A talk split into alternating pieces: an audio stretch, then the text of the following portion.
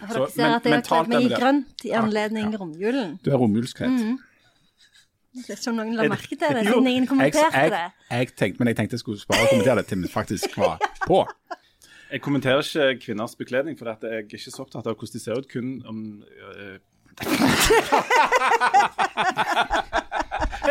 jeg, hold, jeg holdt lenge. Ja, ja, ja, du, jeg syns du var god. Helt til kommer. Hipp hurra for romjula! Korona Matata. Vi skal oppsummere et eh, episk drittår. Det blir eh, Trump, og det blir korona, og det blir tårer og latter og fest og basar og sang og spørrelegg og nyttårsraketter, og en litt forsinka overraskelse fra ja. Ja, tusen takk skal du ha, Leif Tore Linde. Vær så god. Velkommen Eh, til, til Aftenbladet. Her i studio sitter Sorba the Greek, Sorba the Geek, faktisk, i Janne Stigen Drangsholt. Uh, Surmaga the Geek, Harald Birkevold. Sal the Geek, Jan Sal. Og selvfølgelig The Weakest Link, uh, Leif Tore Linde. Uh, um, og vi sitter altså her helt alene i et nokså deprimerende rom og skal snakke om deprimerende ting, for dette året har jo i hovedsak blitt preget av én ting. Og det var jo at du gjerne ikke fikk reise til Syden. Det stemmer. Hvordan har det vært å sitte på toppen av skattelisten i Sandnes og vite at du ikke fikk lov å reise til Syden? Hellas. Nei, det har har vært et helvete. Har det det? Har det vært tungt? På alvor? Og jeg har ikke tenkt å reise på norgesferie i 2021. Det kan jeg love. Har du ikke? Nei, så at hvis det ikke går an å reise til utlandet, så blir jeg bare hjemme. Okay. Men ikke, kan ikke du betale deg foran i den vaksinekøen? Sånn Jo, jeg regner med det. Jeg skal, det. Det er det første jeg skal gjøre. Ja. For at jeg nekter å få kjeft eh, fra flere kelnere for at jeg ikke spiser opp blåskjellene mine. Det er jeg lei av. Ja, dette året har jo plutselig lært oss eh, hva som er samfunnskritiske funksjoner. og Der, ganske høyt på den lista, vil jeg tro at eh, eh, professorer i engelsk lyrikk eh, kommer veldig veldig høyt på samfunnskritisk ja. personale. Så det stiller veldig tidlig til køen. Så skulle det godt gått uten de. Ja, for Først så skal de vaksinere de som er over 85 år og ligger på institusjon. Så skal de eh, vaksinere professorer i engelsk lingvistikk. Ja, for at jeg vet ikke om, eh, om noen Jeg fikk ikke med meg om noen klarte for oss i løpet av året, men jeg tror det. Ja, men jeg tror, ja, for det var mye klapping, og da var det Ja. sannsynligvis det jeg klappet for. Ja. Ellers, Leif Tore Linde, så må jeg si at jeg syns det er litt, uh, litt kjipt og trist. Mest trist, kanskje. Eller, mest, eller, ja, kanskje aller mest skuffa over at du avslutter med å lyge. Vi sitter i et, i et trist og ensomt studio. Dette studioet ser fremdeles ut som et meksikansk horhus. Det er dekorert med lilla, glinsende eh, rekke av, av noe glans, eller glins, jeg vet ikke hva det heter engang. Noe flagg, en sombrero og et Girlandere. ja, girlander og et, og et, et, Ja, det det jo. ganske fælt eh, stort bilde. I tillegg så har jo eh, professor Drangsvold tatt på seg romjulsgrønt Ja. med, med jeg er jo ikke så god i terminologi, men, men det, er ikke, det, er ikke, det er ikke blonde, dette, men det er noe sånn rysje, eller Det er ikke Ja, ja, Eller- er- rysje han er og veldig rysje fin, fra ja. Så- men du, det, det ser òg litt grann, på en litt sånn uh, lekker måte ut som de som bestemmer i det der Handmaid's Tale. Ja, Ja. ja, ja, sånn ser det ut. Det er ja. sant. Ja. De konene. Ja, de som bestemmer. Ja, ja, de som de ser er helt på toppen. Helt på ja, toppen, ja. ja. Det er sant, det. Jeg er litt sånn Det Artig, blir det. Ja, takk. Ja, men det, altså, Og eh, eierdobber har jeg på. Blessed be the fruit. Blessed be- be. Ja. folk på toppen av skattelisten har en tendens til å kle seg nokså likt. Men du, vi- Noe må de bruke pengene på. Ja. Eh, du, vi, eh, før vi går løs på å oppsummere dette, dette året, så um, Vi har jo uh, mast om å få tilsendt post. Men får vi det? Men får vi det? Og svaret har jo lenge vært nei. Så kommer romjula. Og inn i vår postkasse ramler Tuller det du? Nå står to ikke Og dette, har, det er ekte overraskelse, jeg har ikke sett det. Det er to eh, altså Foreløpig er det brev, vi har ikke åpna de ennå, vi skal åpne de nå. To eh, konvolutter som er adressert til Aftenbladet. Herlighet, med ekte frimerker på ekte òg. Ekte frimerker på. Og jeg, altså, det jeg skulle ønske at jeg hadde nå, det var noe som vi hadde før i tida, og som jeg husker at det var sånn en kunne gi folk til jul. Brevåpner.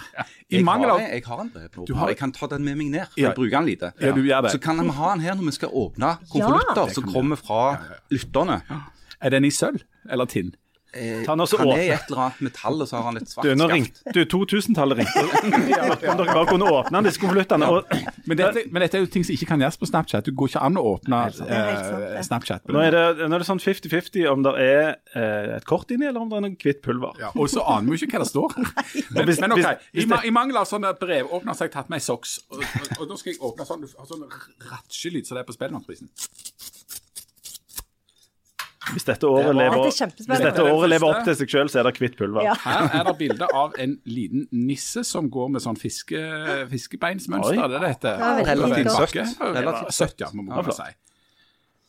Her står det Hei, gjengen. Dere er virkelig en flott gjeng å høre på hver uke. Jeg hører flere podder fast, men deres er fortsatt nummer én. Ukas høydepunkt! Hvem er dette fantastiske mennesket? Jeg skal komme til det. Det står til slutt. det. Hver og en av dere er fantastiske folk. Altså, jeg vil si at det, Så langt så scorer dette høyt både på inderlighet, men framfor alt analyse. Ja. Dette er ti av ti. Og menneskekunnskap. Ja, ja.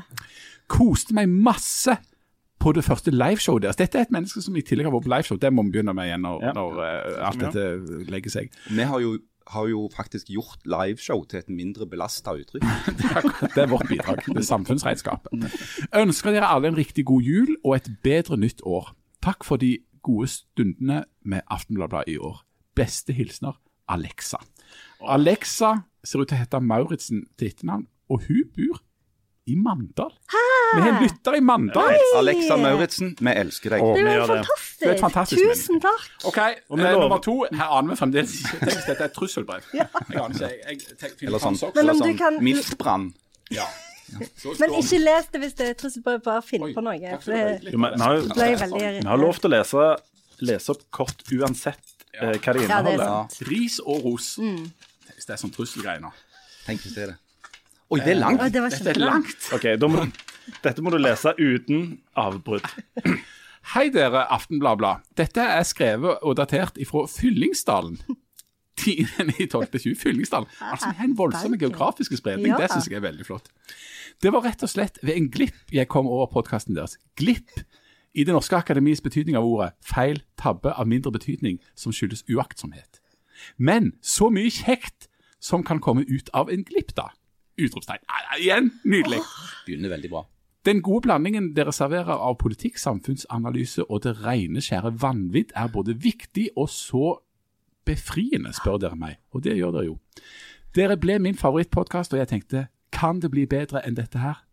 Da ble diktene lansert. Oh. Nå, jeg, ble, nå, nå har jeg begynt med dikt før, så jeg ble jo en blanding av Først ble jeg deprimert, men så ble jeg veldig glad.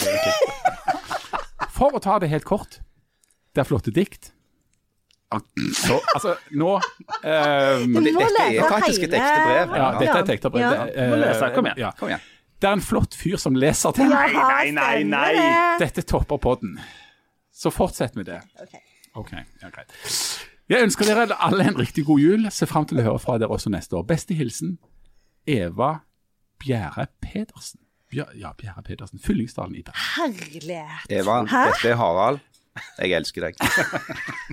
Og det, det kommer fra en mann som har, har sagt det til mange, da. Men, uh, så, altså, men, men, nå, nå ble det god romjul. Hver gang. Ja. Stemmer det. Ja, nydelig flott. Å, Det- herlighet, dette var en utrolig fin start. Ja, det var det. Ja, eller, eller egentlig en utrolig fin slutt Ja. på et år som vi må vel eh, kunne si at det har vært enkelte hager med. Eller Annus horribilis. Annus horribilis. Ja, har det vært det? Har, vi, har du noen gang opplevd et eh, dårligere år sånn på jevne, Harald? På det personlige plan har jeg hatt flere. Jo, jo, men Vi kan ikke legge lista der. Eh, men men eh, sånn for, for, for kloden så er det vel lenge siden det har vært såpass bratt. Det må vi kunne si. Husker du hvor du var eh, 12. mars? Det er vel et naturlig sted å starte på sånn et år. Husker du hvor du var? Ja, det gjør jeg. Eh, jeg var i Stavanger. Ikke overraskende. Eh, det har jeg vært siden. Eh, men jeg eh, fortrakk eh, umiddelbart da til ei hytte eh, som jeg heldigvis disponerte for det at da var min eh, Det som skjedde den 12., eh, da kom jo de første reglene om karantene og isolasjon og sånn. Og min trolove hadde akkurat vært i utlandet. Eh, og måtte da altså rett i en form for sånn karantene. Så for å ikke bli omfattet av den samme karantenebestemmelsen, så pagg jeg av gårde til hytta for å kunne jobbe som normalt, mer eller mindre, og sitte der. Eh, Så det var det som skjedde i mitt liv. Eh, Jeg husker veldig godt den der stemningen av hva skal du si, en slags forbløffelse over at noe som hadde ligget og ulma helt siden før eh, nyttår. At en hørte om at det var et utbrudd av et virus i en by i Kina som jeg knapt hadde hørt om før, Wuhan. Eh, og så baller dette på seg, og så til slutt så, så sitter vi i en situasjon som ligner litt på og det er en følelse som jeg har kjent på med ujevne mellomrom hele året. Følelse av å være med i en sånn film. Så handler, du har jo sett så mange sånne filmer. Mm. The Outbreak og uh, den slags. ikke sant? Så handler egentlig akkurat om det som har skjedd. Bortsett fra at i de filmene så lør de på litt med dødeligheten og sånn. Men det føles med ujevne mellomrom litt uvirkelig, det hele. At verden på en måte stenger ned. Vi, vi starta året med eh, å leve i den, sånn som verden var tidligere. Så vi uh, starta med å reise til Firenze på et sånn opphold i en eh, leilighet der meg og hun sjøl. Det var veldig trivelig. Eh, Nord-Italia, vet du. Veldig fin eh, del. Kanskje ikke så varmt akkurat da, men varmere enn her. Men altså, Nord-Italia, veldig sympatisk plass. rundt vinterferien Ja. der. Rundt eh, vinterferien der, ja. Sant? Altså slutt av januar. Og så kom vi hjem, og så begynte det å tikke noen nyheter om at eh, det var noen sykdomstilfeller i Nord-Italia. Og plutselig så begynte vi å analysere vår egen hoste og vår eget velvære, og hvordan følte vi oss egentlig litt rusjende nå, på en helt ny måte. Um, og det var akkurat den, den der litt sånn surrealistiske følelsen, det var, ja, det var litt sånn uvirkelighet og forbløffelse. Samtidig så jo, jo en av de store ironiene i hele dette bildet har vært at dette er på mange måter en varsla eh, krise. Altså, eh, alle folk som jobber med epidemier i hele verden, har i årevis sagt at dette kommer før eller senere. Eh, spørsmålet var på hvilken måte vi var forberedt på det. Du Janne, du tenkte vel først og fremst på Hellas. Jeg tenkte, Først så tenkte jeg Vi hadde jo vært i, i Hamburg. Eh, så, så vi òg var i karantene med en gang. Eh, og så tenkte Så det første jeg tenkte, var ja ja, eh, det går nok fort over, tenkte jeg. Dette kan jo ikke vare. Eh, vi skal jo til Hellas i sommerferien, det gleder jeg meg til. Og så måtte jeg flytte den Hellas-turen til høstferien. og så til vinterferien, og nå har jeg flyttet den til neste sommer. Men husker du eh, var- Benka du deg foran denne TV Altså, På et tidspunkt her så, så steg jo statsministeren fram og holdt den der Norge stenger ned-talen. Husker, du- husker du den? Ja, jeg husker det. Jeg husker, det var litt sånn som Harald eh, sier, for jeg husker at jeg fikk den samme følelsen som første gang jeg så eh, Independence Day, med de der eh, scenene hvor folk ser opp i New York, og så kommer romskipet så stenger hele himmelen. Det var litt sånn, sånn du bare, Det er litt sånn sublimt at du føler deg så enormt liten. Eh, og det kjente jeg veldig på. Eh, og så grein jeg masse. Um, Du griner jo hele ja, jeg griner jo hele tida. Blant annet da. Ja. Eh, og så, og så eh, eh, hørte jeg på nyheten i morges at eh, han Harald Sandberg, er det han heter, han i NRK, sa at eh, han liksom fikk den der følelsen av at nå er vi i krig, liksom. Nå må vi ut med de beste soldatene våre og sånn. Det kjente ikke jeg i det hele tatt. Eh, jeg kjente ikke at jeg var i krig. Jeg tenkte dette kommer til å gå fort over, tenkte jeg. Eh, og så tenkte jeg nå må jeg gjøre akkurat det som de sier, eh, myndighetene. Men den, den, den, den norske versjonen av krig er jo dugnad, viser det seg. ja, det viser seg jo. Altså det var jo det, og det var jo en sånn interessant eh, respons på, på hele dette. For det er liksom det største alvoret siden andre verdenskrig omtrent, og, og det er litt uforståelig. Og så er det OK, hvordan svarer vi på det? Jo, dugnad. Eh, nå skal vi gå i Men dugnad. det, det var jo faktisk de ordene Erna Solberg brukte. Eh, altså den største trusselen eh, Norge har vært utsatt for siden eh, andre verdenskrig. Eh, sånn at det går nesten ikke an å bruke større ord enn det om den situasjonen som plutselig oppsto nærmest fra den ene dagen til den andre i mars. Men det er jo interessant at responsen på det er et så stort ord som dugnad.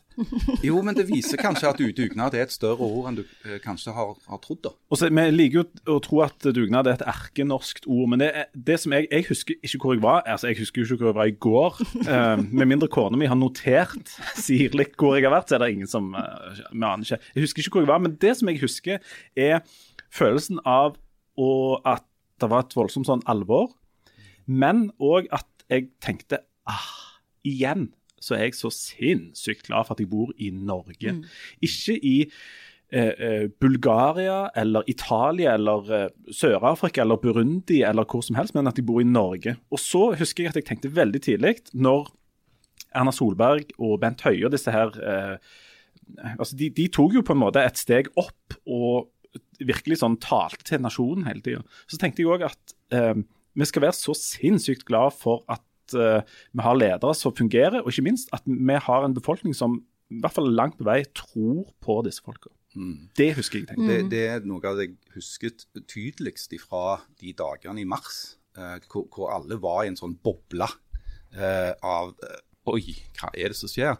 Det var at det utløste noen sånn ganske sterke og tydelige reaksjoner eh, hos folk. Altså den, den leiren som sa, som Janne akkurat sa, ikke sant? nå er det viktig å gjøre sånn som vi får beskjed om.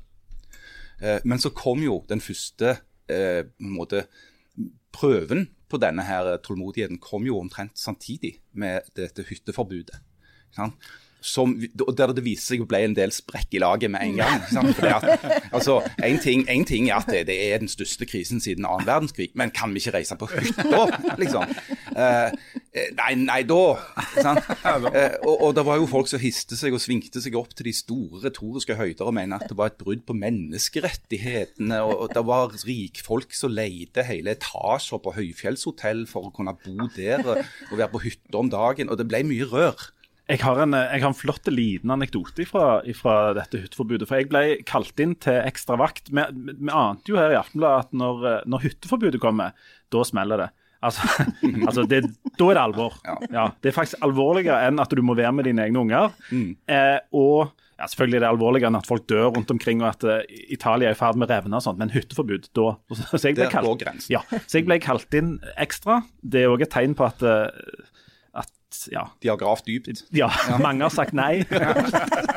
Uansett. Jeg satt på, på vakt her oppe og, og, ringte ordfører rundt omkring, som ba innstendig folk om å bli hjemme eh, i, i, Sirdal og i, i Lyngdal og rundt omkring. Og vi skrev om at uh, den ene kommunen etter den andre liksom innførte dette forbudet, ikke reis.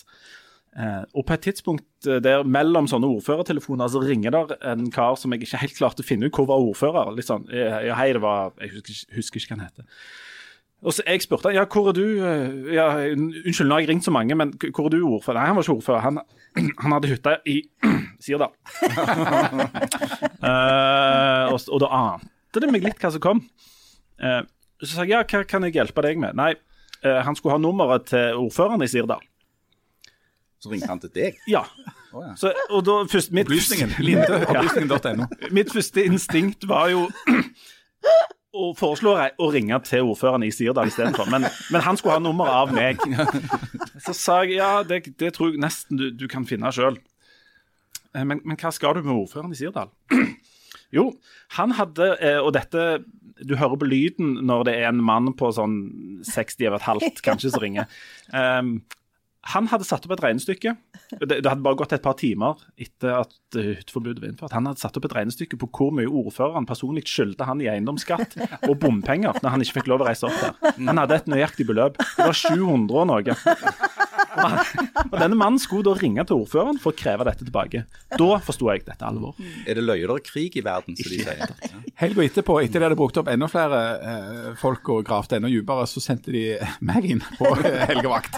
Da hadde ungene mine sagt nei til jobb. Ja, da var det ingen igjen. Uh, dette var mens vi fremdeles hadde overtid uh, i aften. Det var det som var motivasjonen din. Motivasjonen min. Uh, så, så, da hadde hytteforbudet blitt innført et par ei uke eller to etterpå, og vi ble da sendt ut for å se ble dette her overholdt.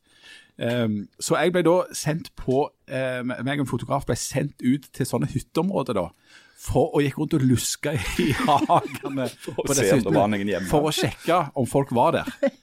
Uh, og da fant vi noen som da var på dagstur og som intervjuet på kjempelang avstand. og Dette var jo i en sånn tidligere fase. Det var litt sånn, fremdeles litt uklart hvor lett det var å bli smitta av dette, og hvor mye det egentlig var av det.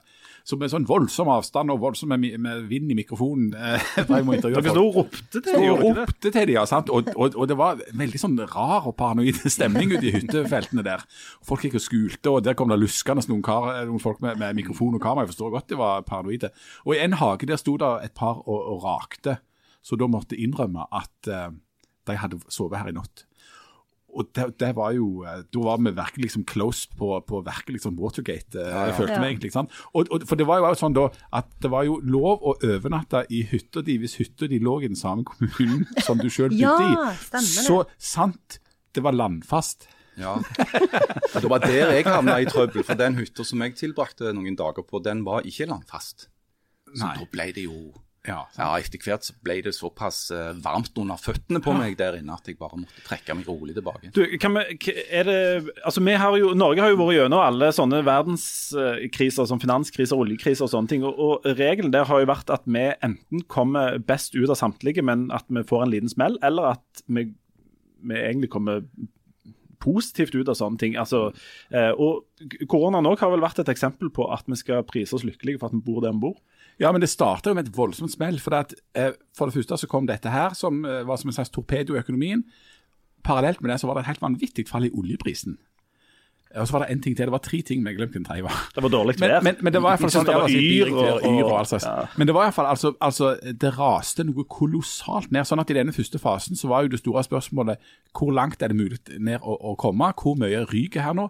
Og så det store spørsmålet hvor, hvor, liksom, hvor kjapt går det opp igjen? Er det en sånn en vedal at du bare rygger rett ned og så rett opp igjen? Og Det ingen visste der på det tidspunktet, var jo hvor lenge varer dette. Det var jo sånn, ja, jeg tror vi må, Nå stenger vi ned i to uker, og, og dette kan godt hende det var en måned, dette. her. Og, og etter noen uker så var det sånn, ja, hvordan blir det med 17. mai i år? Og her sitter vi ganske lenge etterpå. En av de, den, den eh, mest surrealistiske eh, reportasjen jeg var ute på i hele dette året, det var altså å dekke 17. mai i Stavanger eh, år 2020.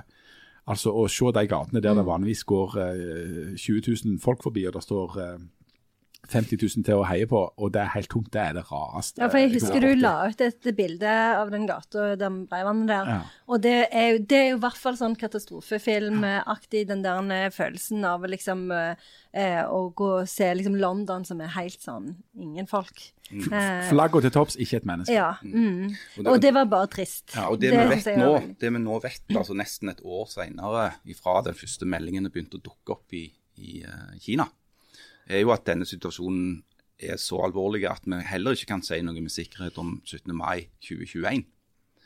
Uh, og det vi kan si med sikkerhet, er at uh, verdensøkonomien har fått et av de største svingslagene han har fått noen gang. Uh, EU har akkurat eh, hatt en lang og vanskelig prosess med å vedta et krisebudsjett som skal prøve å reparere noe av denne skaden. Den amerikanske økonomien er fullstendig vingeskutt. Eh, sånn at dette er jo noe som vi vil se konsekvensene av i lang, lang, lang tid framover. Men samtidig, så, for å svare på Leif Tore sitt spørsmål, så, jo da, så er du helt rett i at Norge har jo da kommet bedre ut omtrent enn noen andre. Det handler både om i økonomien om at vi har da altså et oljefond, så du, altså vi har penger i banken som du kan ta ut av. Dette vil jo rett nok noen framtidige generasjoner måtte betale for, men når en krise kommer og du er avhengig av å bruke penger, så er det jo bra å ha noen penger å bruke. Um, økonomien har kommet tilbake for de som har kunnet begynne å jobbe igjen på et eller annet slags vis. Sånn så, sånn så bare Der som jeg jobber i mediene og i avisene, så var jo den første responsen var et kolossalt oppsving i antall folk som leste. Altså Aldri før har det kommet så mange lesere til eh, eh, mainstream media, altså en plass der du visste at du kunne stole på informasjonen. Samtidig så flykta jo annonsørene, og det er ikke vanskelig å forstå, for når du må stenge butikken, så driver du ikke og annonserer. Så vi, ta- vi mista eh, voldsomme inntekter, fikk veldig mange lesere, og lenge så, så det òg mørkt ut. Sånn, for vår egen del så har dette gått eh, mye bedre, da. Og så har det jo, har det jo vært en lang eh, kamp da for de politiske myndighetene å finne de rette virkemidlene. Det hadde jo tatt litt tid. Eh, og det er jo bransjer som har eh, strevd mer enn andre, og som fremdeles strever. Men når vi nå liksom sitter nesten et år ut i dette, så har den øk norske økonomien kommet seg ganske langt tilbake. Prognosene framover er bedre enn en skulle tro. Men det aller viktigste er jo at hvis du ser på dødstall, altså hvor mange som faktisk har dødd i Norge, så har jo vi vel det laveste tallet i Europa per eh, innbyggertall per nå. Så det sier noe om at dette systemet har fungert både i organisering rundt rent helsemessige, men òg i økonomien. Altså i hele, altså vi skal være så glad for at vi bor i Norge. Når tallet er så dårlige i USA, så handler jo det om at de har hatt det motsatte. De har hatt et politisk lederskap som ikke har tatt grep i dette. Ja, I tillegg så har de veldig stor grad av mistillit mellom borgere og de som styrer landet. I Norge så nyter vi godt av at det er høy tillit. eh, At folk i det store og det hele gjør sånn som de får beskjed om. Enten eh, liksom motvillig eller frivillig. Det er i grunnen det samme. Eh, Om de gjør det motvillig eller frivillig, så lenge de gjør det. Og Hvis vi ser vekk fra, fra oljefondet, eh, så har vel den, denne krisen som har vært gjennom her, vist eh, to ting som jeg mener er veldig sånn styrkende med det norske samfunnet og systemet. Det ene er det som du snakker om med tillit. Altså Vi går ikke rundt og mistror hverandre hele tida. I hvert fall ikke sånn, sånn som det gjøres i enkelte andre eh, land. Og det, det samme gjelder for politikerne våre at når Erna Solberg sier at vi, vi, vi er nødt til å gjøre dette, så er det ikke sånn at 70% tror at hun gjør det pga. at hun har noen baktanker med det. Um, og skal vi hoppe til USA, da? Vi kan hoppe til Som USA. er en eh, eh, litt annen sleis, skal vi si det sånn? Ja, USA er en litt annen sleis både når det gjelder koronahåndtering, men òg pga. den politiske turbulensen landet har stått i i hele ja, fire år. Eh, og som på ingen måte er over fordi om Donald Trump nå er stemt ut. Eh, dette er noe som kommer til å vedvare i lang, lang tid. Men vi må vel kunne si altså, av, av store utenrikspolitiske hendelser, eh, bortsett fra koronaen, som jo er internasjonale, så er det jo valget i USA, den politiske situasjonen i USA, som har vært det store i 2020. Eh, og maken til turbulent eh, fire år har vi vel aldri sett. Maken til inkompetanse på toppen, maken til galskap og maken til eh, trist utvikling er det knapt mulig å se. Nå, eh, det lyser jo at det slutta godt med at eh, Donald Trump endte opp da tross ikke han selv sier, eh, med å være en one term president. Altså Han ble stemt ut da, men han fikk jo et voldsomt eh, stemmetall. Eh, har, altså Han er den som har fått nest flest stemmer av alle presidentkandidater i USA gjennom tidene, som jo er oppsiktsvekkende. At, at USA har blitt et så polarisert samfunn. Der er det så mye som er så gale nå, eh, både på samfunnsnivå og i økonomien og i håndteringen av, eh, av sykdom og pandemi og alt i hop. Og så får de da inn en, en ny president. Eh, som har som mål å f på en måte forene eh, landet og klare å bygge bru og sånt. Er, hvor realistisk er det? Hvis ikke de eh, altså, det- Når er det dette her kommer på lufta nå igjen? Eh, den Romjulen. romjulen, ja. Så er det jo et valg i Georgia i eh, begynnelsen av januar. Eh, 5. januar. Og det vil jo bestemme veldig mye av hva, å, altså hva Biden vil komme til å få til. Eh, hvis republikanerne beholder kontrollen i, i eh, Senatet, så, så vil det jo bli fire år med i alle fall to år da, med motbakke for, for Biden. Men dette eh, amerikanske valget, det jo eh, Det gikk vel sånn som folk eh, altså Sånn som mange spådde. Og eh, i hvert fall sett ifra eh, Norge, sånn som mange håpte. I stor grad. Altså Det var jo varsla at Trump kom til å måtte gi seg. Valget gikk ikke sånn som folk spådde, og ikke sånn som folk trodde. Ah, kom igjen. Valget i USA, det som var spådd og trodd, det som sto i alle mening, meningsmålinger, det var at demokratene kom til å gjøre rent bord. De kom til å vinne eh, ikke bare presidenten med god margin, men de kom til å vinne tilbake både guvernører og delstatsforsamlinger eh, rundt omkring over hele eh, landet i å, å ta nye stater. Ta f.eks. både Florida, og det var snakk om at de kunne ta Texas, og de kunne ta både ditt og datt. Det som ble fasiten for eh, valget, var at Biden klarte å vinne litt med et nødskrik, egentlig. Altså hvis, hvis 40 000 stemmer av de 80 millionene han fikk, hadde vært lokalisert på en litt annen måte, så hadde han tapt. Eh, så de klarte å ta presidenten, eh, eller liksom bytte ut ham. Men i alle de valgene rundt omkring på delstatsforsamlinger, på guvernører, altså de som skal sitte og styre de enkelte statene, så var det ikke det valgskredet eh, de, i demokratene sin favør i det hele tatt. Tvert imot. Eh, republikanerne har fortsatt makt over de samme plassene. Demokratene mista altså, en del av flertallet de har i Representantenes hus, og de klarte ikke å vinne nye senatorer. Som betyr at de ikke har makta i alle de tre eh, kammer de trenger. Så eh, nok en gang så er de store taperne i eh, et eh, amerikansk valg meningsmålerne som bomma med helt kolossalt mye. F.eks. i Maine. Der eh, er det ei som heter Susan Collins, som er senator. Um, hun er en såkalt moderat eh, republikaner uh, som liksom skal kunne jobbe litt på tvers av, av, av partiene, men i praksis har hun stemt stort sett med Trump uh, i absolutt alle ting. I forkant av valget så, så utfordreren ut til å ha en ledelse på sånn 12-15 og så ender det opp med at Susan Collins vinner det likevel. Så, så, så enorme feil igjen. Uh, Men her er vi også ved den mest skjærende mangelen på logikk i Trump sine angrep på dette valget som et illegitimt uh, juksevalg. Det er at nøyaktig det samme valgsystemet som førte til at Joe Biden ble president, førte alle disse republikanerne inn i posisjoner i de forskjellige delstatene, i Senatet og i Representantenes hus. Nøyaktig de samme valgmaskinene som ifølge Trump er korrupte, førte til på lokalplan et valgskred fra hans eget parti. Eh, og hvordan får den logiske øvelsen til, er litt vanskelig for meg å forstå. Nå har vel aldri logikk vært hans aller sterkeste side. Det, dette er jo det du er professor i, Janne, ikke? Engelsk logikk. Engelsk. Stemmer det? Eller er det kun britisk logikk? Ja, det er helst Ikke amerikansk logikk. Nei. Du, så forsvant jo en av dine store helter oppi dette. Um, Ruth Bader Bader Ginsburg. Ginsburg. Ja, um, Høyesterettsdommeren. Stemmer. Og du har jo koppen hennes. Jeg har jo koppen hennes, så den får hun ikke tilbake nå. Hvorfor, eh, og hvorfor var hun en eh, slags eh, ikke, Er du ledestjerne i ditt liv? Men du likte hun. Ja, jeg likte hun veldig godt. Hun var jo et eh, feministisk ikon som har jo betydd utrolig mye, både eh, for eh, ja, som ei ledestjerne for kvinner i USA, som jo er fremdeles er et ganske sånn eh, antilikestilt land. For, eh, og òg fordi at hun gjorde mange kloke politiske beslutninger. Og hun er vel en slags eh, motsatt Altså Hun og Trump var nok ikke enige om veldig mye. Og så blir hun erstatta av Amy Hva heter hun for noe? Barrett Cohen? Barrett. Cohen Barrett? Ja. Coney Barrett. Kom, ja. Ja. Amy Cohen Barrett. som, eh, som er jo òg en sånn eh, Trump-seier på slutten der. Ja, ja, altså det, det er jo noe av det, for Han kan jo snakke om hva er det da Trump har fått til. Han, eh, det er Mange som har sagt at han, i og med at han ikke var noe spesielt kompetent politiker, så fikk han ikke gjort så mye politisk. Men en hel del ting har han gjort som kommer til å, å virke i lang tid, nemlig um, at han har fått innsatt et helt rekordhøyt antall dommere. Um, han har altså utnevnt tre dommere til Høyesterett, der det sitter ni stykk.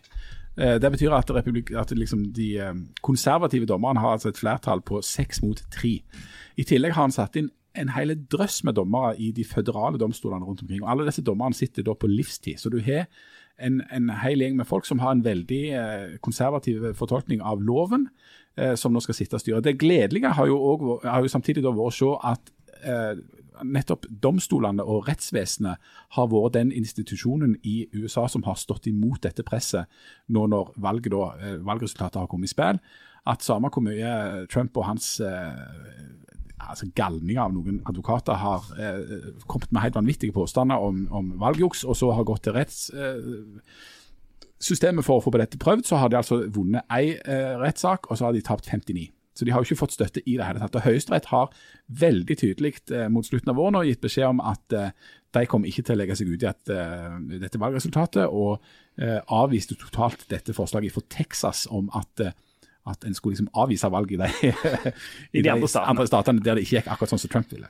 Men så er det jo alle de der eh, tingene som har, endret, har endra seg med Trump-administrasjonen, som ikke er sånn konkrete politiske beslutninger òg. Og da er det jo særlig dette med fake news og måten en liksom eh, eh, behandler fakta eh, Og det er jo òg eh, noe som, som preger andre deler av samfunnet. For eksempel eh, så er det jo sånn at de fleste unge i dag får jo eh, bruker jo TikTok som sin viktigste nyhetskilde. Og nå var det jo en sak tidligere denne uka eh, som handler om hvor enormt lett det er å få på en måte inn sine egne nyheter på TikTok. Det var jo et sånn, noen som hadde betalt, noen sånn engelske journalister tror jeg som hadde betalt eh, 300 euro til eh, en sånn russisk eh, organisasjon som bad, som, som ved hjelp av liksom bare 300 euro, så kunne de jo få ganske sånn store endringer i hva slags nyhetsmasse som folk ble servert på, på TikTok og Snapchat og, og Facebook og sånne ting. Så det er jo eh, For jeg husker når, når Trump ble valgt, så var det jo en sånn politisk kommentator som sa at det, ja, liksom dette er en sånn, eh, et eksempel på det der kinesiske forbannelsen med at det, May you live in interesting times. Og det er jo ikke interesting noe positivt, men noe veldig veldig skummelt. Og noe av det som har vært mest interessant da, i den betydningen av ordet, er jo eh, denne her, ja, måten en liksom behandler fakta og nyheter og liksom eh, alt det der med eh, som, som jo er mer polariserende enn noe annet, da. Både i USA, men òg her hjemme. Jeg har et, uh, Siden vi nå er liksom på, på slutten av året, så har jeg lyst til å si noe positivt om Trump. Ja, det er alltid en eller annen si, som skal det, si noe det er ikke mulig å si noe positivt om Trump som person, uh, det, for det går ikke an. Men, men fire uh, utviklingstrekk i Trump sin periode som president som jeg mener er grunnleggende positive, eh, og som jeg tror òg vil ha en varig effekt, eller iallfall langvarig effekt på amerikansk politikk. Det ene er Trumps eh, insistering på å trekke USA ut av disse her eh, kolonialistiske krigene de har ført rundt omkring i verden, eh, som alle i ettertid skjønner har vært katastrofale. Både intervensjonen i eh, Irak, i Afghanistan, i Libya osv.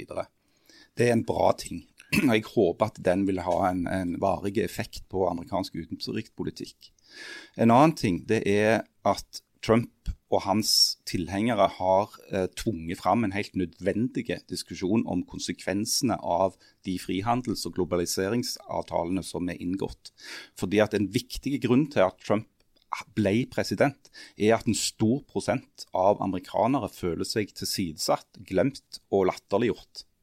Eh, og blir sett på som representanter for et næringsliv og et samfunnsliv som ikke lenger har eh, noe altså, noen relevans. Jeg husker veldig godt den idiotiske uttalelsen til Hillary Clinton om 'basket of deplorables'.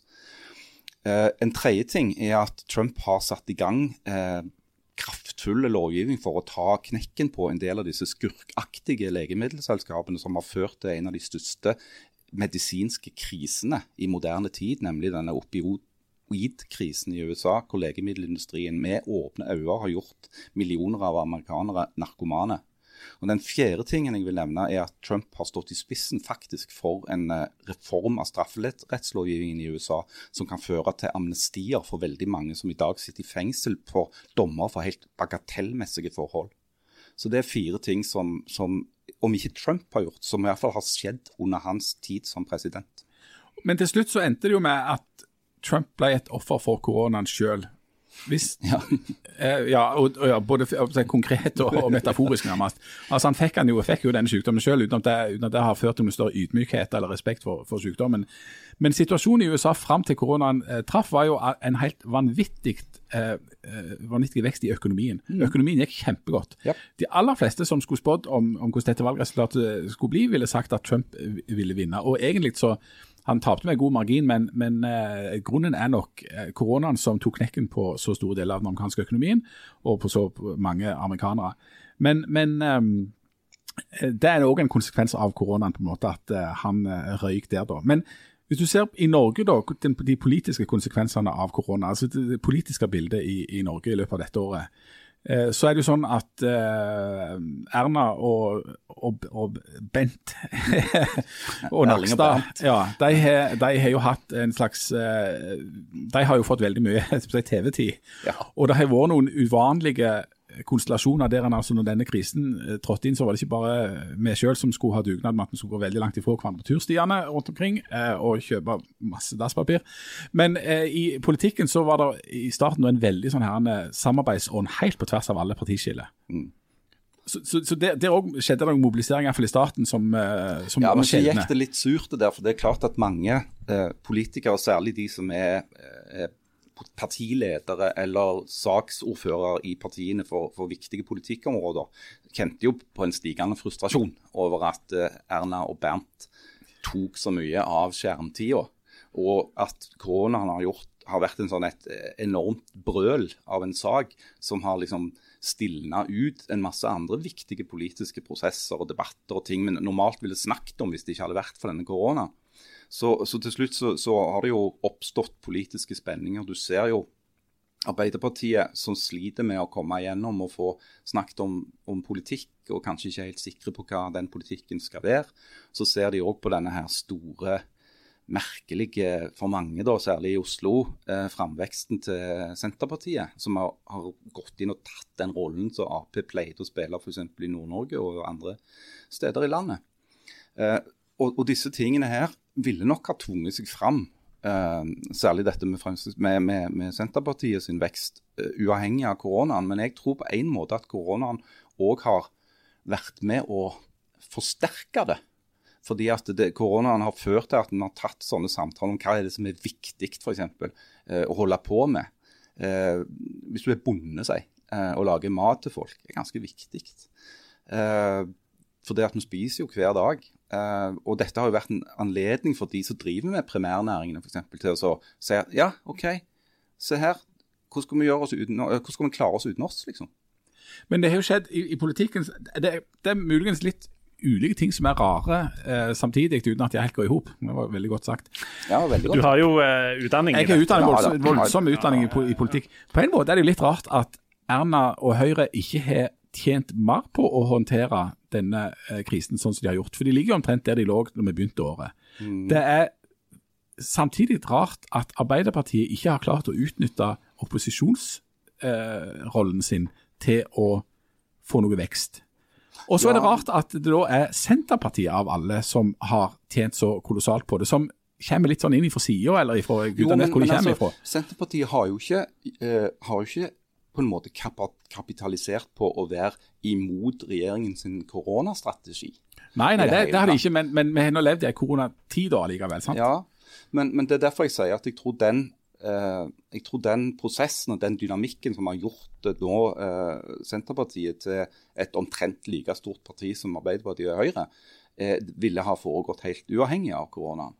Eh, det bare det gikk litt under radaren en stund, fordi at alle, særlig liksom fra 12. mars og et halvt år framover, var ikke opptatt av noe særlig annet enn korona. Også det var interessant å se at Frp, som da meldte seg ut av regjeringa i starten av året for å prøve å kapitalisere og på å være i opposisjon, de har ikke klart å tjene på det.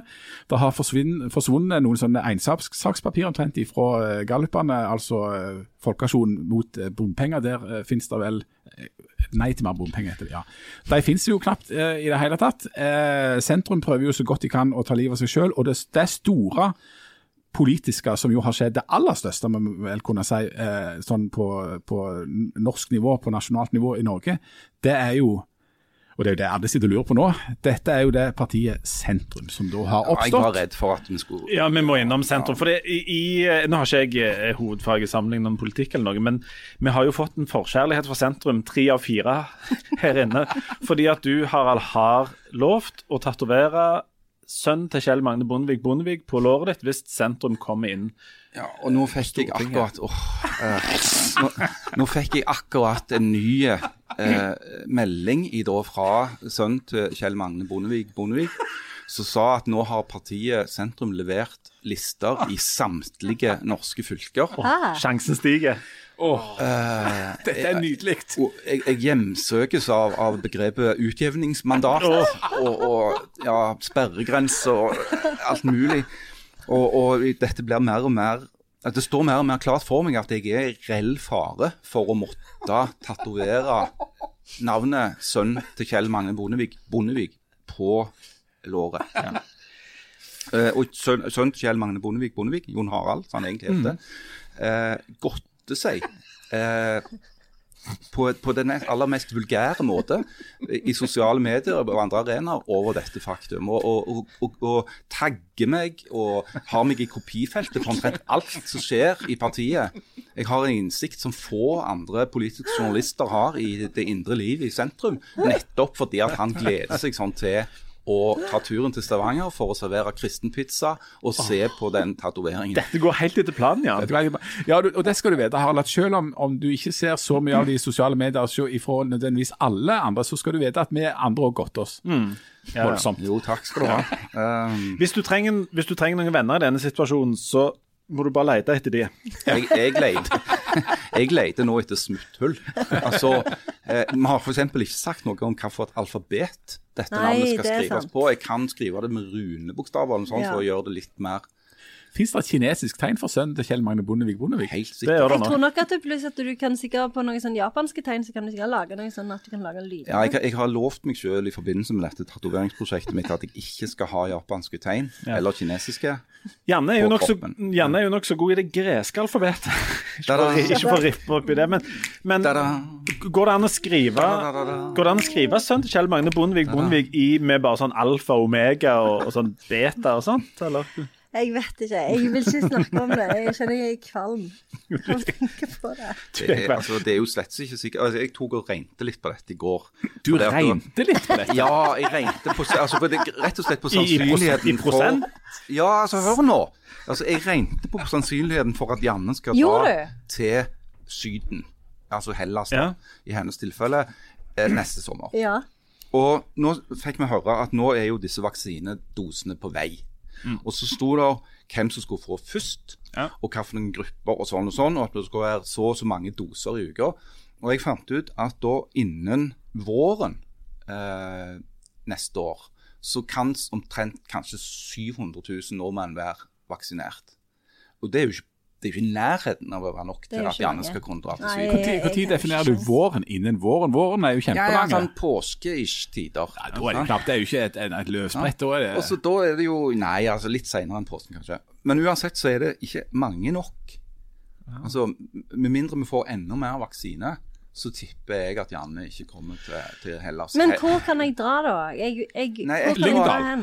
Lyngdal Lyngdal er det fint. er det fint. Forsand, der går ikke ferje dette, så du må kjøre om. Men, Ja, du må kjøre rundt, men, men det, det er greit. men altså, eh, så, så lenge høyt gasjerte professorer ikke står på, på disse listene, så kan det være at du mener det. Men jeg Ombo, ja. er det der er det fint. Men det interessante i dette bildet er jo ikke, er jo ikke hvor mange som er vaksinert i Norge, det er jo hvor mange som er vaksinert i Hellas. Tananger, Tananger Ring er det fint.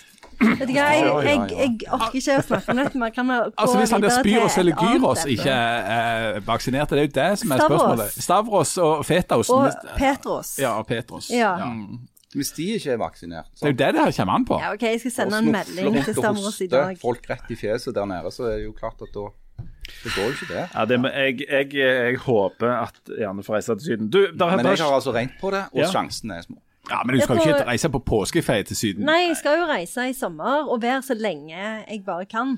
Ja, dere i offentlig sektor med millioner dere pleier vel å ha voldsomt lange ferier, pleier dere ikke det?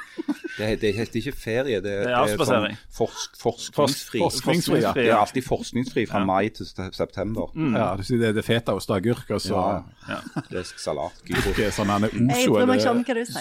souflak, Ikke hør det. Du, der, har- skjedd, andre ting òg. Nå tar vi en liten eh, kjapp runde på litt ymse diverse. Her er det et spørsmål for hver måned. Kun eh, korte svar og eh, kjappe, artige kommentarer. Eller? ja. Er dere klare? Ja. I eh, 7. januar sendte Aftenbladet timevis med slow-TV fra Sola. Hva var temaet? Brannen. brannen, ja. Hva for en brann? Brannen i parkeringshuset. Ja. Var ikke det fascinerende? Jo. Men var det nå vi skulle komme med kjappe, Ja. gøye svar Ja, om, om det? ja. Så, ja. Si noe gøy om brann nå. Nei, altså, det som var gøy med den altså Det var noe som var gøy, nå som vi har fått det såpass på avstand. Det som var gøy, det var alle som trodde det var en elbil. Ja. Ja, Altså, det var litt gøy. Det er sant. de som Å, hva var det vi sa Ja, det i ja, ja, ja. elbil? Sant? Og, de, og så var det jo en gammel diesel. Det var det. En annen ting som var gøy, det var å se eh, reporterne der ute som sto time etter time og så sa Kikk tilbake og sa Ja, det brenner ennå, ja!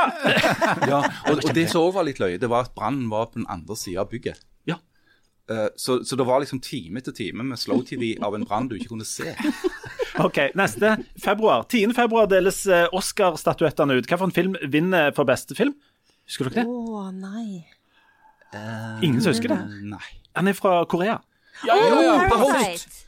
Parasite, Parasite, Parasite. Ja, den var veldig bra. Ja, ikke sant? Den var kjempeskummel. Kan du anbefale den? Ja, den jeg Det kan jeg anbefaler også anbefale. Men det er ikke det som er min anbefaling i dag. Nei, du skal ikke anbefale komme med en ha annen. igjen, Ja. ja. Eh, eh, Men, men The Parasite, fantastisk Mm, ja, den var veldig bra. OK, den er vrien. 2. mars. Kapitalismekritikk. Ja. I love kapitalismen. Men, det, Det neste, gjør ikke Parasite. nei, det Nei, sånn. det senere tar vi diskusjonen om kapitalismen. Men jeg har Eh, òg veldig lyst til å dra til Korea. Virker veldig ja. kjekt. Det er lenger enn Hellas, det kommer aldri til å skje. Hysj med dere. I Sør-Korea har de omtrent ikke korona. Nei, de har jo en Det sånn kan godt være at du kan reise til Sør-Korea. Ja. Sør-Korea, Asias Hellas. Eh, 2. mars eh, går altså Norges fiskeri- og sjømatminister av. Hva heter han? Per Sandberg. Enoksen. Nei, Nei. det var ikke Per Sandberg. Geir Inge Sivertsen. Geir Inge- Sivertsen, Geir Inge- ja. Sjanseløst. Ok, 22. april åpner Knut Arild Hareide en bitte liten veistubbe med digital snorklipping fra kontoret sitt i Oslo. Hva heter den veien? Roggfast. Nesten. Ryfast. Ja. Er det ikke det? Jo. Jeg, jeg, jeg satt Jeg og fulgte med på det. jeg mente Ryfast. Ja, det. Den dagen var en merkedag, fordi at da fylte far min året. Og det var den første gangen vi besøkte foreldrene mine si nedstengninga. Og det gjorde vi ute på terrassen på Bryne, og vi fikk gule kaker og hadde kake på god avstand. Å, suksess. Eh, men det var, sånn, det var litt sånn, Det så sånn ja, ja, fantastisk. Men, men litt sånn merkestein i koronautviklinga. Første gang det har gått halvannen måned ifra med sitt foreldrene mine. Så det var Men vet dere bare sånn malapropos hva som er den perfekte suksesskaka? Den måten der. Nei, det er dobbelt så mye suksess som kake. Altså dobbelt så mye sånn gult. Ja, ja, ja. ja, du syns det er godt når det er litt mye? Og mye gult. Det må være masse. Nei, det blir, en helt, det blir en helt feil balanse. Nei, det er jo det gule som er poenget. Det gule som er poenget. Det er Bånden skal bare være en liten Nei, sånn det er- jeg uenig i, det er kombinasjonen som er poenget. Det er ikke som når du Ja, lager er kålrabistappe, at du skal ha litt gulrot oppi for- av balansen. Gult er kult, sier jeg. Ja, Herlighet. Ok. Jeg, jeg, jeg kjørte gjennom Ryfast, eh, for det var jo gratis. Selvfølgelig. Ja, du kjøre folk gjennom gjorde jo det. Ja. Det er fortsatt gratis. Ja, jeg, men det tok veldig lang tid før vi gjorde det. Men jeg kjørte gjennom, så kom jeg over, så oppdaget jeg at vet du hva, dette det er jo bare Jørpeland. Så jeg kjørte tilbake igjen. Men det var ingen som sprang det der løpet. Er du spinngal? Altså, det er jo tunnel, altså, det er jo når du, altså, det er selve tunnelen som er mest interessant. Mm. Når du kommer til Jørpeland, så er jo på en måte løpet kjørt. Det er helt sant. Det er seg sjøl, det. Ok, Ja. vi, skal, vi skal over til mai. Eh, 8. mai gjør Norges Bank eh, noe som eh, sikkert for deg Anne, var et slag i trynet. Hva gjør de? Setter renta til null. Nemlig Unnskyld. OK, vi hopper raskt over til uh, 17. juni. Da får Norge plass i et veldig celebert selskap med kontorer i New York. FNs sikkerhetsråd. Ja, Som observatør. nemlig. Ja. Ja. Det var, det var Etter, etter tidenes lobbykampanje Ja. hvor de ga vekk kulepenner og, og, og sokker til, til korrupte statsledere fra hele verden. Der, der, Og tralala, så fikk vi observatørstatus i Og har dere ikke merka hvordan det har forandra alt det. i verdenspolitikken? Når det gjelder observering av sikkerhet, så har det, det, det er helt annen Helt unike tilgang nå. Og Norge, men Norge må bygge opp sånn nødrekvisitalager på nytt med sånn kulepenner der det står Norge på. Ja, også de sokkene. Jeg var en gang på en omvisning der inne med en det kompis av meg. Var det ikke 16 millioner eller noe sånt på I sokker og- på sokker og til nigerianske korrupte Men det henger, det henger et bilde der inne som er malt av en norsk maler, og da, det hadde visst flere, spesielt fra Frankrike, kommentert at det var galt nok å sitte der når de ikke måtte sitte og se på det der bildet. Donert fra Norge. Okay. Vi, vi hopper over til neste sommermåned. 1. juni kommer det en endring som forandrer våre daglige turer til postkassen. Ja, annenhver dag. Ja, og det er jeg veldig eh, skeptisk til nå under jul. Eh, for det, det øker min bitterhet over ikke få eh, på, post de dagene det er post, og når jeg ikke får julekort. Veldig dårlig stemning. Men får du ikke dobbelt så mye annenhver dag, da? Nei, det, det er jeg ikke, for jeg syns jeg får dobbelt så lite. Jeg heier på Du er veldig god språklig. derfor. Er dobbelt så lite, det er akkurat dette. professor. Jeg heier på Posten og ser fram til den dagen de har null dager i uka. Kan endelig få helt fred. Ja. Ok, ok, eh, 29. august blir Ingvild Kjerkol valgt til leder i Trøndelag Ap. Hvem blir ikke valgt til leder? Og her, her er vi bare ute etter ett navn.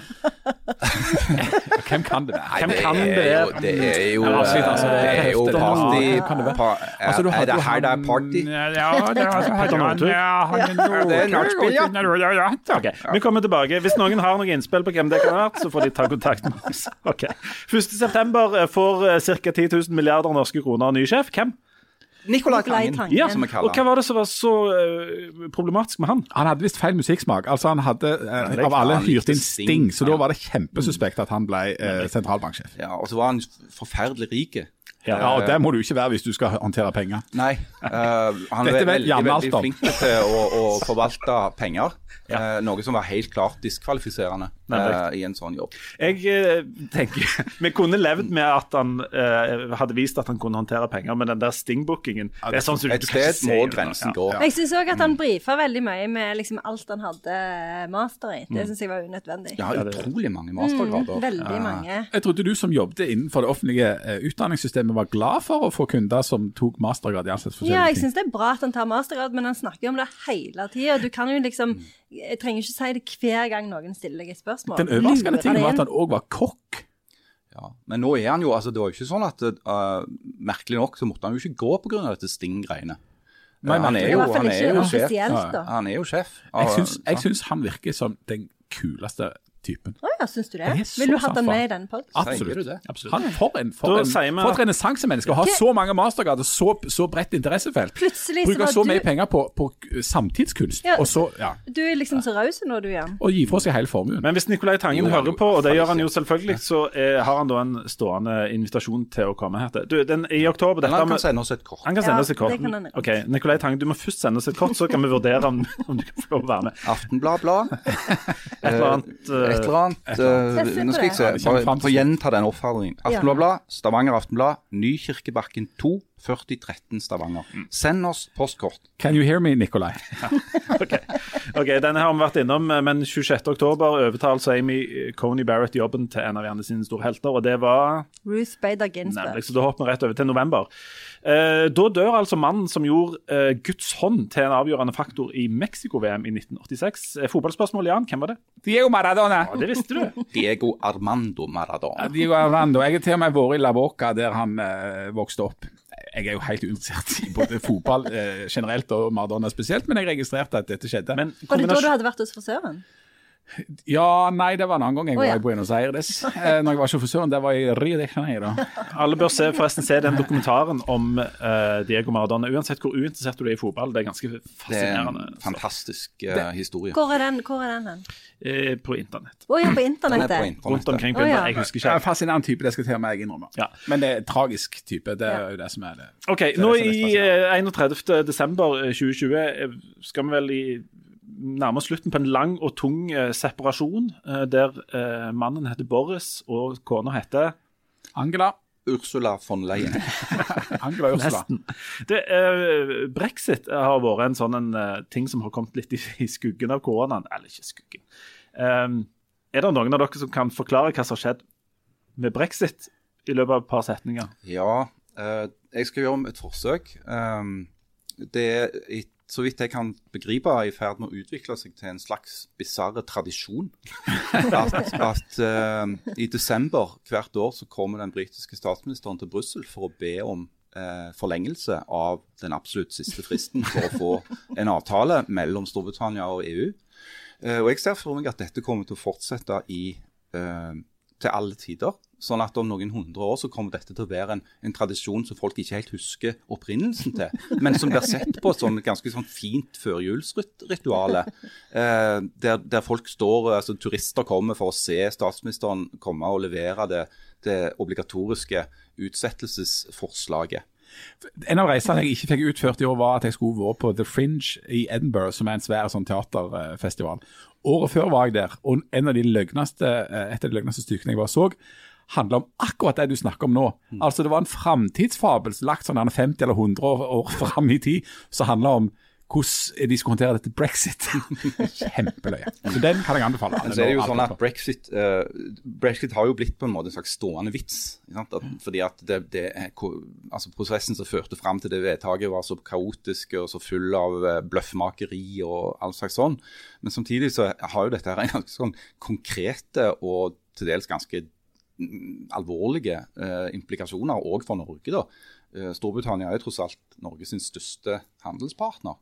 eh, Og òg et av de landene som står nærmest. Eh, jeg skjønner jo på en måte at det, det skaper en viss eh, ja, eh, enda mer sånn uvirkelighetsfølelse når du hører at eh, pga. dette muterte viruset, så, så kanskje engelske f altså fly fra London får lov å lande rundt forbi og sånn. og Du får jo inntrykk eh, av at eh, Storbritannia er liksom er øy som er sånn på drift vekk fra alt. Ja, men Nå har de iallfall oppnådd det de ville, og nå er de virkelig for seg sjøl. Ja, det kan du si. Det er mission accomplished på mange måter. Jeg synes jo det var En av de tingene som skjedde i år som var, jeg lo ganske høyt av, det var jo når en del folk som hadde stemt for eh, brexit, ble fly forbanna når det viste seg at de måtte gå i den køen på eh, flyplassen hvor det står 'non-EU'. den, den som går seint. Ja vel. Vi skal begynne å runde av, Janne. Du eh, må komme med en anbefaling eh, inn i det nye året. Og jeg har en overraskelse til slutt. Har du det? Har? Jeg har det. For jeg hadde òg en potensiell overraskelse, men vi får nå se. Men Janne, folk trenger noe å trøste seg med inn i det nye året. Ja, eh, jeg anbefaler et sånn et um, enhjørningsspill. Eh, det er sånn eh, Du kan kjøpe det på Outland. Det er sånn noen kort, og så er det sånn at du skal liksom stjele hverandre sine enhjørninger og sånn, og det blir veldig aggressivt. Eh, og det er veldig, veldig gøy. Eh, og jeg anbefaler det å, til alle eh, nå i romjulen. Men hvis det er Heter det noe? Ja, nå har jeg glemt hva det er heter. Men det er jo et enhjørningsspill. Med sånne kort. Eh, Men vil du anbefale dette i en familie som allerede har begynt å gå hverandre på nervene? Ja. Hvis dette er Ja, ja. aggressivt? Ja, det er litt aggressivt, men det er liksom òg enhjørninger, så de mildner det. sant? Oh, ja. For det er, også, det er både sånne enhjørninger og sånne narwhals. Eh, sånne de Ja, narhvaler Ja, ja, narvaler, ja, ja. Så det, det, er, det er liksom eh, Du får litt sånn eh, eh, Du får litt sånn spunk i hverdagen fordi at det er litt aggressivt, men så får du òg litt sånn eh, ro og harmoni fordi det er enhjørninger. Og, og et fun tri trivia-fakt Ja. der er jo at mange mener at myten om enhjørninger eh, bygger på observasjoner av narhval. Ja, det gir jo mening.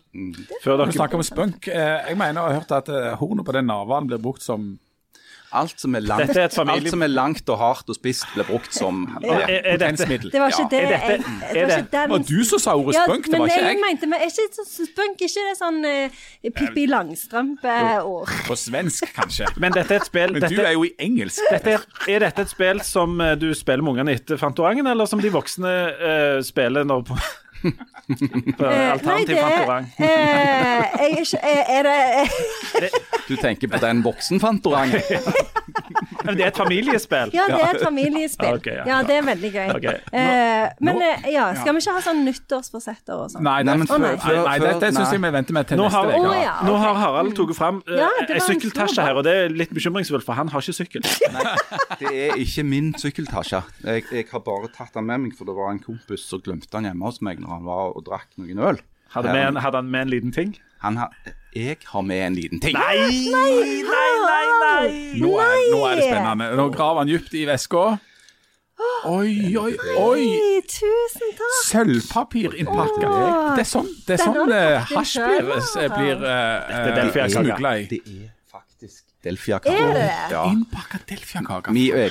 Og som dere ser, så har dere fått eh, små porsjoner for å understreke at dette er til dere. Det er ikke til, til det der eh, halehenget Nei, dere har hjemme. nei, nei. Dette skal dere Ja. kose dere med i jula. Men dette skal jeg, jeg skal, Hva slags vin anbefaler du til? Du trenger- ikke. Jeg, jeg anbefaler ingen vin. Jeg, jeg, jeg anbefaler en god eh, kopp kaffe og et lite glass med eh, f.eks. whisky eller konjakk. Ja, jeg, jeg, jeg, Hvis du absolutt vin, jeg. må ha en vin til, Ja. så vil jeg anbefale en søt eh, rødvin. Ja. OK, da går jeg. Jeg gleder meg, Karl. Tusen takk. Mange slags Dette takk. var Ja, fint. Nå ble jeg så varm at eh, Ja, jeg har både julekort og Ja, dette var jo på en måte istedenfor julekortet. Ja, for det ja. eh, dette er da for eh, Hva blir det? Niende år på rad at eh, jeg ikke har klart å produsere et julekort. Eh, jeg fant det eneste bildet som fantes av meg og mine tre barn, eh, tatt i 2020. eh, har jeg da lagt ut som et elektronisk julekort, i, i tråd med, med, med ny skikk. Eh, men det finnes altså bare ett bilde av meg og de tre. På- Og det er òg denne jækla koronaen sin feil. Jo, det, han ene sitter jo mer eller mindre eh, fast i, inne i Oslo og alle steder. Hmm. Det var forferdelig. Han kommer heldigvis hjem i morgen. Ja, heldigvis. Du, men, um, for å avslutte dette året. Jeg har fått en konkret eh, forespørsel fra en som har, jeg har lovt anonymitet, som har eh, spurt, og dette byr meg imot på alle måter. Eh, men Vi har prøvd å drepe dette mange ganger, men vi har rotet oss inn i disse dikta. og sånn. Ja. Og du Janne, du har ikke med deg et dikt i dag, har du det? Nei, men jeg har et på telefonen. Har du et på telefonen? Ja, det... For jeg har fått en konkret eh, et, altså, et spørsmål om uh, Harald kan lese en veldig konkret ting. Oh, ja. Uh, og det var noen som rett og slett ville høre Harald lese første verset av uh, 'Forever Young' Uh, til Bob Dylan. Ja, Inn i det nye året som sånn positivt. Du tenker da selvfølgelig på, du tenker selvfølgelig på Dylan sin. På Dylan sin, eh, ja. Ikke, Ikke alfavill. alfavill. Ja. Jeg håpet jo lenge det var alfa.